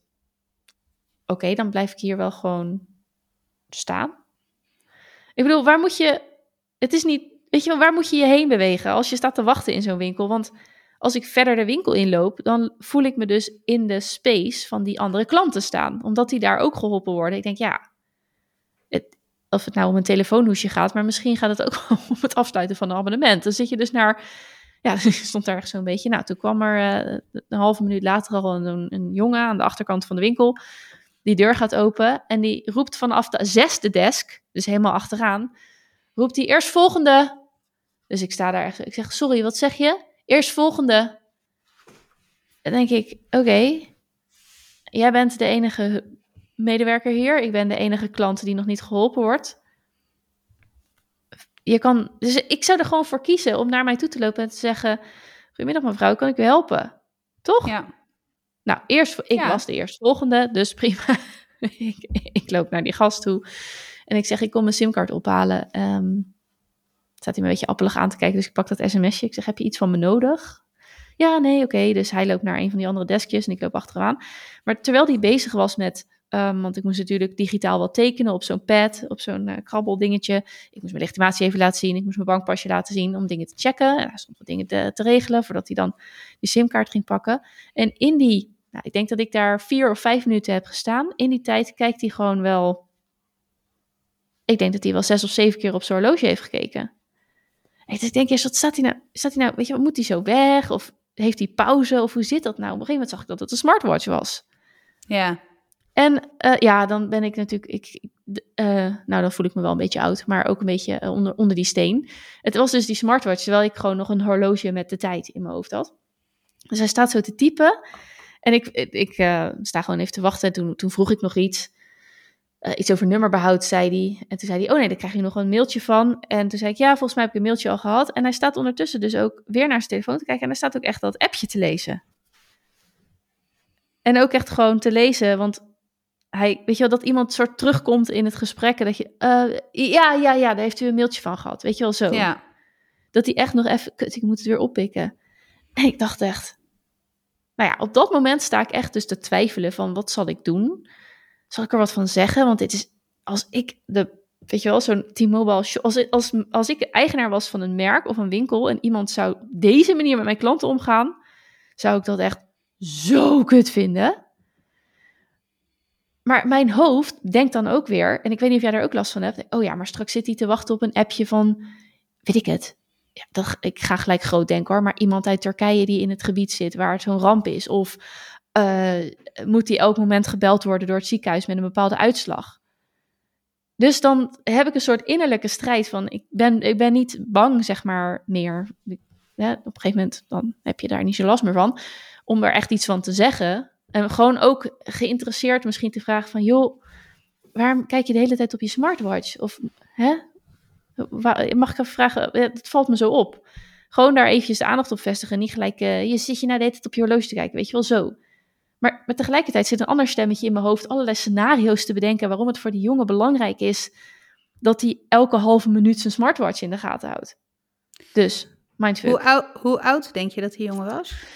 Ehm, even denken. Ik denk wel eind 20. Oh ja, oké. Ja, dus het, het- hè? Ja. Nee, want ik, ik herken wel heel erg wat je zegt met de, de, de mensen die ik training geef. Oh. Die ehm, veel op hun telefoon of inderdaad smartwatch zitten. En ik, eh, ik merk het ook soms in klantgesprekken. Maar in klant, ik heb in een klantgesprek wel eens gevraagd of, of eh, de andere horloge uit wilde, de notificaties op zijn horloge uit wilde zetten. Omdat het was, niet, het was ook niet een presentatie, het was echt een één op één gesprek. En toen heb ik wel eens gevraagd, van, joh, ja, ik, hè, ik word heel erg afgeleid door, eh, door de notificaties op je, op je horloge. Zou je het oké vinden om hem even op stil te zetten? Of is er iets, er, iets dringends waardoor Ja, je bereikbaar moet zijn? Eh, en dat werd ook meteen, hij zegt, eh, die, die kerel die was echt meteen op een positieve manier dat hij dacht, ja shit, ik heb het gewoon niet eens meer door, sorry, weet je wel. Dus eh, het is zo'n gewoonte geworden om, overigens is dat een van de redenen waarom ik dus heel bewust geen smartwatch heb.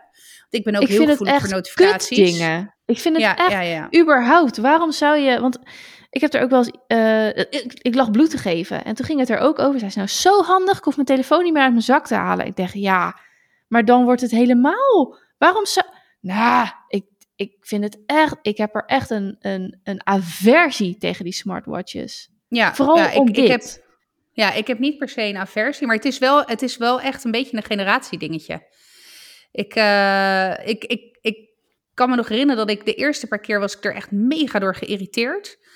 En ik ben daar namelijk toen ook over in gesprek gegaan met onze HR-directeur toevallig. En daar, want wij, wij hebben daar onderzoek naar gedaan, naar eh, dus die, die genderkloof. Of die, hè, Ja. dus eh, eh, voor hun is het helemaal, is, er zit ook, want wij, wij plakken er ook een bepaalde emotie aan vast. Hè? Ja. Desinteresse en, Ja. en of hè, eh, luiheid, of nou, vooral desinteresse. Of zo van, ja, fuck, het boeit me niet wat ik nu aan het doen ben. Het is afwijzing. is- Uiteindelijk komt het daar wel ja, afwijzing, Ja. precies. Maar dat is onze invulling daarvan. Hè? Omdat, dat is, eh, dat, omdat dat past binnen het referentiekader waarbinnen wij zijn opgegroeid. En de, de normen en waarden die wij wat dat betreft op dat onderdeel hebben meegekregen.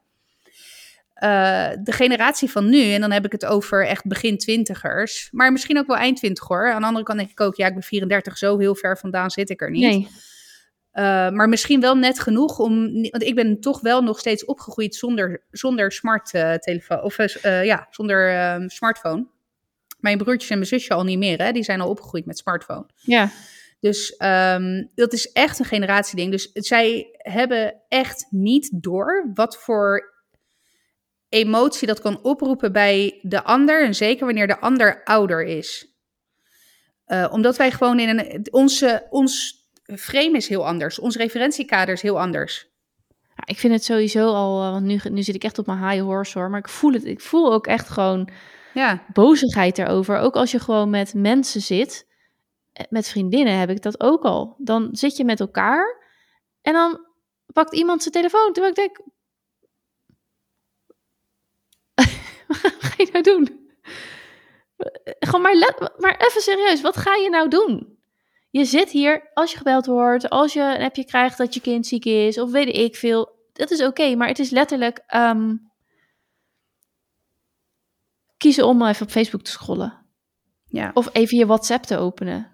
Ja, maar het is ook gewoon, het is die dopamine kikker, daar hebben we het vaker over gehad. Bizar is het. Als ja, ja, als nee, je, het, ja, ja. maar je moet jezelf er echt bewust van uithouden. En dat, dat doe ik ook. Ik ben ook echt dat heb ik wel eens verteld, denk ik. Weet je, als ik dan zit, uh, zit te wachten in de wachtkamer van de dokter, ga ik echt uh, juist niet mijn telefoon pakken. En dan voel ik me uiteraard verheven boven al die andere sukkels die wel op hun telefoon zitten. Dat is ook niet helemaal goed. Als je staat te wachten bij de bushalte, als je staat te wachten op een uh, station, gewoon in, het moet gewoon zitten, de telefoon voor je neus. En dan denk Ja. ik, oké, die 15, 16, 17-jarige, 21-jarige, prima. Eh, maar kom op man, we zijn bijna 40. Ik, met mijn peers. En dan denk ik, kom op zeg. Je kan toch wel gewoon twee... dit- maar dat is, ik vind het echt... En als je het niet ziet, als je het ziet, dan zie je het. En je kent unsee it. En dat vind ik echt met die smartwatches ook. Waarom zou je in godsnaam iets om je pols willen hebben, waardoor je nog meer afgeleid wordt? Ehm, we hadden van de week, eh, had ik verjaardag, vriendin had een... ehm, het cadeau van een man was onder andere een bandje, geen Fitbit, maar zo'n ding wat dan je vitale functies, nee, niet zal niet je vitale functies zijn, maar je dingen meet Mhm. en je slaap en, en, en alles. Ehm, en toen, ik zat daar en toen werd er letterlijk drie keer, heb ik aan haar horen vragen, dat mensen zeiden, maar het is, maar het is geen smartwatch. Nee. Dus je kunt er niet de tijd op zien of je, je berichtjes of zo. Nee.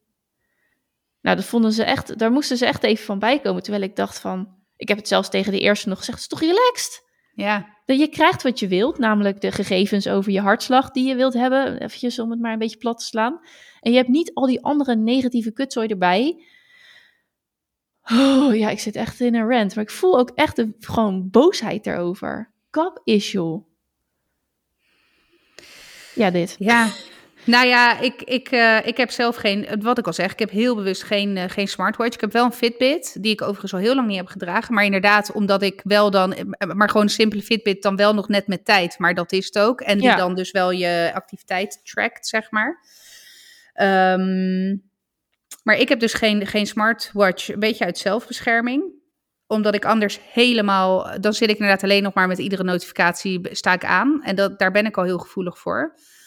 Uh, ik, zo heb ik ook inmiddels geleerd dat op het moment dat ik bijvoorbeeld met mijn werk echt even focuswerk moet doen, dat ik echt alles dichtknal. Mijn e-mail, mijn telefoon gaat op vliegtuigmodus, alles. Dan ben ik echt even van de wereld, omdat ik anders doe ik er ook drie keer zo lang over. Ja. En word ik continu afgeleid. Maar goed, ik denk wel, hè, nogmaals, het is denk ik echt een generatiedingetje. Ook juist die, nou bijna woede die je erbij voelt. Ik denk dat dat echt een, een nou ja, een... Uh, in plaats van oké boomer, oké millennial is, weet je wel? Ja, ja, ja. Uh, en, en de grap is, ik ben me daar dus heel erg van bewust geworden met training geven. Omdat zij dat ook zitten te doen. Ja, ja, en de eerste paar keer heb ik me echt opgefroten. En nu is het gewoon ook, als ik me er wel... Ik, heb, ik irriteer me er tegenwoordig niet altijd meer aan. Het, weet je wanneer ik me eraan irriteer? Wanneer ze het doen als anderen het podium pakken. Mm. Dat ze niet naar mij willen luisteren, weet je, ja. prima. Maar als ik iemand anders uh, zich kwetsbaar opstelt, een podium pakt die dat eng vindt en wordt dan op telefoon, dan word ik wel, uh, dat, dat, raakt me wel. En dan word ik ook een beetje bozig, maar dat los ik dan op door te zeggen, joh, ik zou het fijn vinden als je nu even je, je telefoon weglegt of je, hè, ik zou het fijn vinden als je hem nu uitzet, want het leidt me af. Dan ja. hou ik het bij mezelf, hè, want ik het leidt mij af, dus ik wil jou mijn gunst vragen door dat even niet te doen. Zonder dat je daar dan dus een orde over hebt. En daar is nog nooit op een negatieve manier op gereageerd. Nee. En ik heb wel dan mijn doel bereikt. Ja, nou ik denk ook dat het is als ik het dan helemaal weer terug op mezelf betrek, dat ik bij mezelf ook merk, hè, als ik met een taak bezig ben, dan is het zo verleidelijk om gewoon heel even die telefoon ja. te pakken. Gewoon uit, ik, ik heb dat wel eens, ik heb het um, Focus Funnel programma van Renske uh, Zuurveen gevolgd. En zij heeft dat ook, zij, het is echt fantastisch, want ze legt ook allerlei heerlijk uh, um, nitty-gritty dingen uit. Van hoe werkt dat nu precies in je brein? Dus er zit ook een deel in waarin ze uitlegt waarom je dat dus doet. Dus de, en zelfs als je met iets leuks bezig bent, ja. dat je op een gegeven moment toch ja. die telefoon erbij pakt of iets, je wilt iets van afleiding. Dat, dat is een, weet ik veel, mismatch in je hoofd of whatever. Dus ik ben mezelf heel erg bewust dat ik dat, dat, ik dat die flaw, of nou, ik zal het wel als een flaw zien, een, een foutje. Um, mm, het is niet helemaal de goede vertaling. Maar goed, um, dus daarom zal dat op die manier wel eruit een komen. Een tekortkoming, ja. Als ik dat dan bij anderen zie, dan projecteer ik dat waarschijnlijk. Maar het is ook zeker een deel van, de, van je afgewezen voelen. Ik zit hier een verhaal te vertellen en jij gaat ineens op Facebook scrollen. Ik ben hier een, iets van jou aan het kopen, hè? Ik ben een nieuwe klant. Ja, je wil gezien worden. Dat, het draait je allemaal gezien, niet gezien ja, worden. Precies, dat, en, dat en jij staat, staat, ja. staat ook echt op je, op je smartwatch te kijken. Oké, even van mijn high horse af. Ik denk dat een smartwatch, maar dat is met alles. Het is vast ook op, op een wijze handig en fijn. Maar je moet daar echt wel verstandig mee omgaan en, en blijven kijken of het wel slim voor je is. Want je zal hem ook wel kunnen instellen op geen Ja, notificaties. Zeker, Of, zeker. het is toch gewoon een soort klein telefoontje? Ja, eigenlijk is het gewoon een, een Apple... Ik doe het dan nu even als ik hem betrek Ja. op Apple, hè. Het is eigenlijk gewoon een, een mini-iPhone. Ja, precies. Dus je kunt daar ook allerlei instellingen en apps op zetten van wel of niet. Volgens mij wel. Ja, voor zover ik weet, hè, want ik heb geen smartwatch. Maar Nee, maar wat dat betreft denk ik van ja, als je hem goed instelt en gewoon daarmee af en toe kan kijken. ehm, ik weet niet of je dan terug kan typen, maar dan, hè, dan zit je niet weer met die telefoon voor je snuffert. En dan, is het, dan ben je misschien iets minder uitgezo- uitge, uitgecheckt. Als ik probeer er iets goeds eh, van te vinden. Maar goed, weet je, dit is hier niet. Niemand in mijn omgeving heeft er een. Ja, mijn moeder heeft er. Het was trouwens wel leuk, want die heeft ze gekregen van mijn broers voor de verjaardag. oh, toch? krijg ik wel een super mooi cadeau. Ja. Ehm, maar verder, maar ja, mijn moeder woont ook eh, over de grens. Dus ik, ik, dit is helemaal niet zo aanwezig in mijn omgeving. Dus ja, oké, millennial. Ja, ik vraag me wel eens af, ben ik wel een millennial? Of ben ik Ja, een je bent generatie een-? Nee, je bent een millennial. Van 1981, ik, toevallig heb ik het van de week helemaal uitgezocht... naar aanleiding van een discussie die we hadden. Het is vanaf, nee sorry, vanaf 1980, want Frank is net nog millennial, die komt uit 81. eh, tot aan, eh, wat was het, 98. Want Oh, mijn oudste broer, ja, want mijn oudste broertje, Daan, die is uit 98. En die is dus ook nog net aan millennial. Ja, maar die zal Ja, ik vind het ook heel breed hoor. Maar eh, nee, ja, maar Gen Z precies. zijn, of wat is het? Precies. Ja. Ja, geen, ja daarnaast, eh daarnaast Gen Z, ja. Ja, ja. Ja. want millennial is eigenlijk Generation Y. Ja, Ja, ja, ja. Dus eigenlijk is het een zillennial, heb ik het een laatst... zillennial, ja. Ja, begrepen. Ja, dus oké, millennial, hier ben ik dan. Dus het is trouwens ook, oh, dit is wel zo'n vaag iets, maar ik herinner me ineens dat ik filmpjes heb gezien op eh, LinkedIn dat iemand ook werksituaties nadoet en dan een boomer en, een, en een millennial. En ik Ja. denk, oh jezus, ja, dat is ook echt zo. Ja, het is ook echt zo. Dit doe ik. En ik had ook laatst, oh, dat heb ik volgens mij verteld, van die cargo pants en, eh, en de skinny jeans. Ik Ja. niet doodgevonden worden in een skinny jeans. Nou, dit is echt gewoon, ik denk niet eens meer na. Ik draag gewoon, ik Ja. kies gewoon skinny. Eh, Oké, whatever. Ehm, ja, we zijn al lekker lang bezig, maar wil je het nog over de zombies hebben? Zullen Nou, we ik die wilde- ik cliffhanger zei- bewaren? Nou ja, nee, laat, ik, laat ik in ieder geval alvast de tip geven, inderdaad. Eh, eh, we hebben Zeno's eh, verjaardag gevierd. En omdat we twee jaar zijn verjaardag niet hebben kunnen vieren, door, omdat dat echt vol in lockdown zat, had ik dit jaar zoiets van, nou prima, laten we het groots vieren. En groots vieren hè, betekende dat we een zombie-themafeestje thuis hebben gevierd met tien kinderen. Eh, jij was eh, ook chaperonne, dank Zeker, daarvoor. Ook ja. hier even digitaal in de ether. Eh, De digitale eter. je, je was, dat is ook waarschijnlijk hallo millennial. Maar, want de, de hulp was zeer welkom met tien kinderen. Het, was, het ging goed en ik voelde me inderdaad ook echt van waarde. Dus echt- het was helemaal echt- ja, je was zeker van waarde en zeer nuttig. Ja. En, ehm, en ook fijn dat ik je geen instructies hoefde te geven, dat je gewoon je ding deed. Ja. Dat was ook voor mijn mentale ruimte erg prettig, dat ik daar niet over hoefde na te denken. Maar goed, ehm, dat zombie squad of dat zombiefeestje heb ik niet zelf helemaal bedacht. Gedeeltelijk wel, maar ik heb gebruik gemaakt van het eh, draaiboek van eh, Loco Hippo. En dat is echt een dikke tip, want je koopt een draaiboek, ik meen voor eh 29,95. En daarin staat dus echt, dat is een draaiboek van nou 60 pagina's dik, zeg maar, met alle speluitleg, het verloop van het feestje, tips voor extraatjes. Het is echt helemaal voor je uitgedacht van A tot Z. Dus het enige wat je dan nog moet doen, is het daadwerkelijk regelen en het in elkaar zetten. Ja, want er zitten bijvoorbeeld ook eh, eh, templates voor eh, uitnodigingen bij en zo. Het is Precies, echt wel templates voor- het, is, het is echt zeer compleet. compleet. Ja, ja. Ja, en je kan dan, want dat heb ik wel gedaan, hè, want ehm, in ieder geval onderdeel van dit feestje was ook een escape room. En je kan dan het clue-pakket aanschaffen. Nou, ik weet niet meer precies wat ik ervoor heb betaald, maar misschien 15 euro, zoiets. Dan hoef je, dat scheelt je echt driekwart van de voorbereiding, want dat is dan al voor je geregeld, zeg maar. Eh, dus nou, dan ben je alles bij elkaar 45 euro kwijt voor een feestje van 10 kinderen. En dan moet je natuurlijk wel zelf nog eten, drinken en nou ja, versiering. En versiering, Klopt, dat ja. moet je, hoef je tegen mij maar met een half woord te zeggen. Eh, want ik had, mijn hele huis was een soort van eh, spinnenweb, graftombe en... ehm, Het was Halloween, en- Halloween ja. in January. Of, wat Precies. het? Februari is het nu? Ja. ja, Dus, uh, dus nee, het was echt heel erg leuk. Um, de Zeno die had uh, het allerbeste weekend van zijn leven gehad. Nou, dan heb je iets goed gedaan, denk ik. Uh, Mason is nog teruggekomen om zijn shirt af te maken. Dus ik dacht ook, yes. Uh, nee, het was echt heel erg leuk. En echt een, een hele dikke tip. Um, mocht je een kinderfeestje thuis willen organiseren en niet zelf het allemaal willen bedenken, dan is Loco Hippo uh, is echt een goede. En ze hebben themafeestjes, ik wil zeggen vanaf vier jaar tot, nou ja, tot, tot zolang het groep leuk acht, is. Tot ja. en met groep 8 ja. eigenlijk. Want dat Zombie Squad feestje wat wij nu hebben gedaan, wij hebben de variant 8 tot 10 jaar gedaan, maar er is ook een variant 10 tot 13 jaar geloof ik, waarin het allemaal net iets griezeliger is. En, ja. Um, dus echt een dikke tip. Loco Hippo. Ja, want uh, thuisfeestjes met snoepiehappen en... Uh wat deden we allemaal? Gewoon tikkertje, dat is allemaal niet meer aan de orde. Nou ja, dat kan, dat kan prima. Hè? Ik bedoel, ik zat, want dat is, Milo die wordt in mei vijf, dus dat wordt zijn eerste kinderfeestje dan. Dus die had natuurlijk ook al, ik wil ook zombie squat als ik uh, als feestje. Ik denk, nou, ik had nu al wat overbezorgde moeders op de app van negenjarigen. Ik denk dat als ik dat in groep 1 ga introduceren, dat ik dan echt met recht de loedermoeder van de plein ben. dus ik denk dat het voor, voor Milo wel, uh, misschien wel inderdaad in de vorm van gewoon oud-Hollandse spelletjes, dat ik ergens een shoelbak huur en koekhappen en zo, want dat vinden ze ook echt nog ja. wel fantastisch op die leeftijd. Ja. Maar met name feestjes voor wat ouder, uh, als je een keertje niet naar een Jump XL, Monkey Town of weet ik voor wat wil, dan is dit echt wel, uh, echt wel geld leuk. ook, hè, wat je daar naartoe brengt. Nou, mooi. Oh. Nou, dit, uiteindelijk was ik hier ook wel wat aan kwijt, maar dat heb je zelf in de hand. Ja, want uiteindelijk uh, voor 45 euro heb je echt de basis en wat je daarna allemaal nog aan aankleding wil doen, dat is natuurlijk aan jou. Ja. Um, er zal echt wel wat nodig zijn, maar ja, mensen die leggen zo 200, 300 euro neer voor feestjes uh, tegenwoordig. Hashtag ja. millennial. Ja. Oké, okay, millennial.